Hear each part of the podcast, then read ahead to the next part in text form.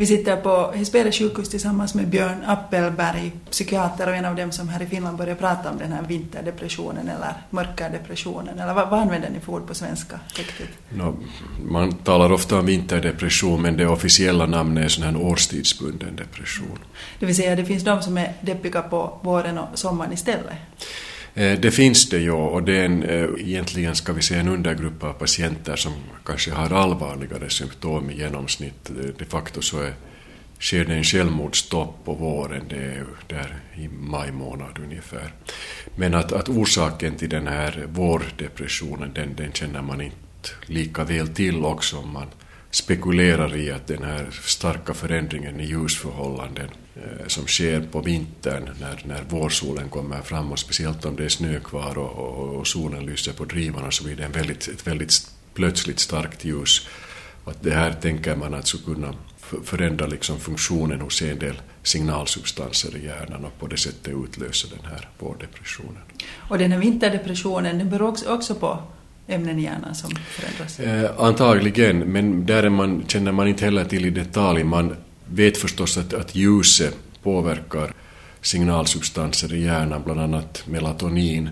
Men det är knappast det som, som är orsaken, så att säga, den här ökade förekomsten av melatonin som är orsaken till, till vinterdepression, utan det här ljuset antar man att har en, en direkt stimulerande effekt på hjärnan och centrala, centrala nervsystemet.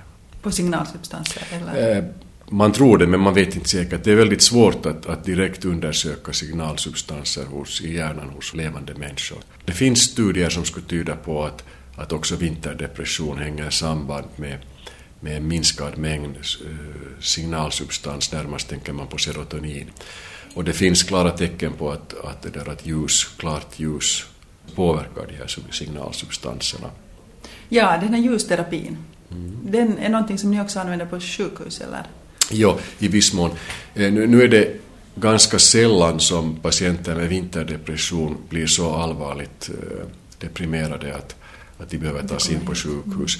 Utan i allmänhet så kan man väl säga att, att vinterdepression är kanske en, också om den räknas till den egentliga depressionen så är det kanske i genomsnitt en lite lindrigare form. De flesta med vinterdepression klarar av att sköta sitt jobb och något sånär klara av sitt liv och sina uppgifter men, men de lider, kan ofta lida subjektivt ganska mycket och det vara trötta och håglösa och ha svårt att... Ja, vad är symptomen på vinterdepression? Eh, no, typiska symptom är trötthet, brist på energi, eh, ofta sån här viktökning, hunger, speciellt kolhydrathunger, man blir sugen på sötsaker. Man sover mycket eh, men man känner sig ändå inte, inte utvilad efter sömnen och, och sen sån här irritabilitet och fräsighet är också vanliga symptom. Jag känner igen mig jättebra på det där nu vad du säger. Och när ska man då tro att det beror på ljuset och när ska man tro att man lider av någon annan depression? Kan man alls... No, det där, om det inte finns någon annan orsak till depression, om man klart har liksom att det, det, det är någonting som upprepas år efter år. Minimum är förstås det att man ska ha två år i rad kunna konstatera att det förekommer utan att det finns något annat som Och man blir bättre under sommaren? Om man blir bättre under sommaren eller man blir bättre om man åker till södern. Och eh, sen är det nu för tiden är det ju ganska lätt att pröva också ljusbehandling. Det finns i en del kaféer i stan, det finns lampor att köpa. Och eh, om man efter att ha tagit regelbundet ljusbehandling i fyra, fem dagars tid så kan man se om det har nytta eller inte. Använder du ljusbehandling för dig själv?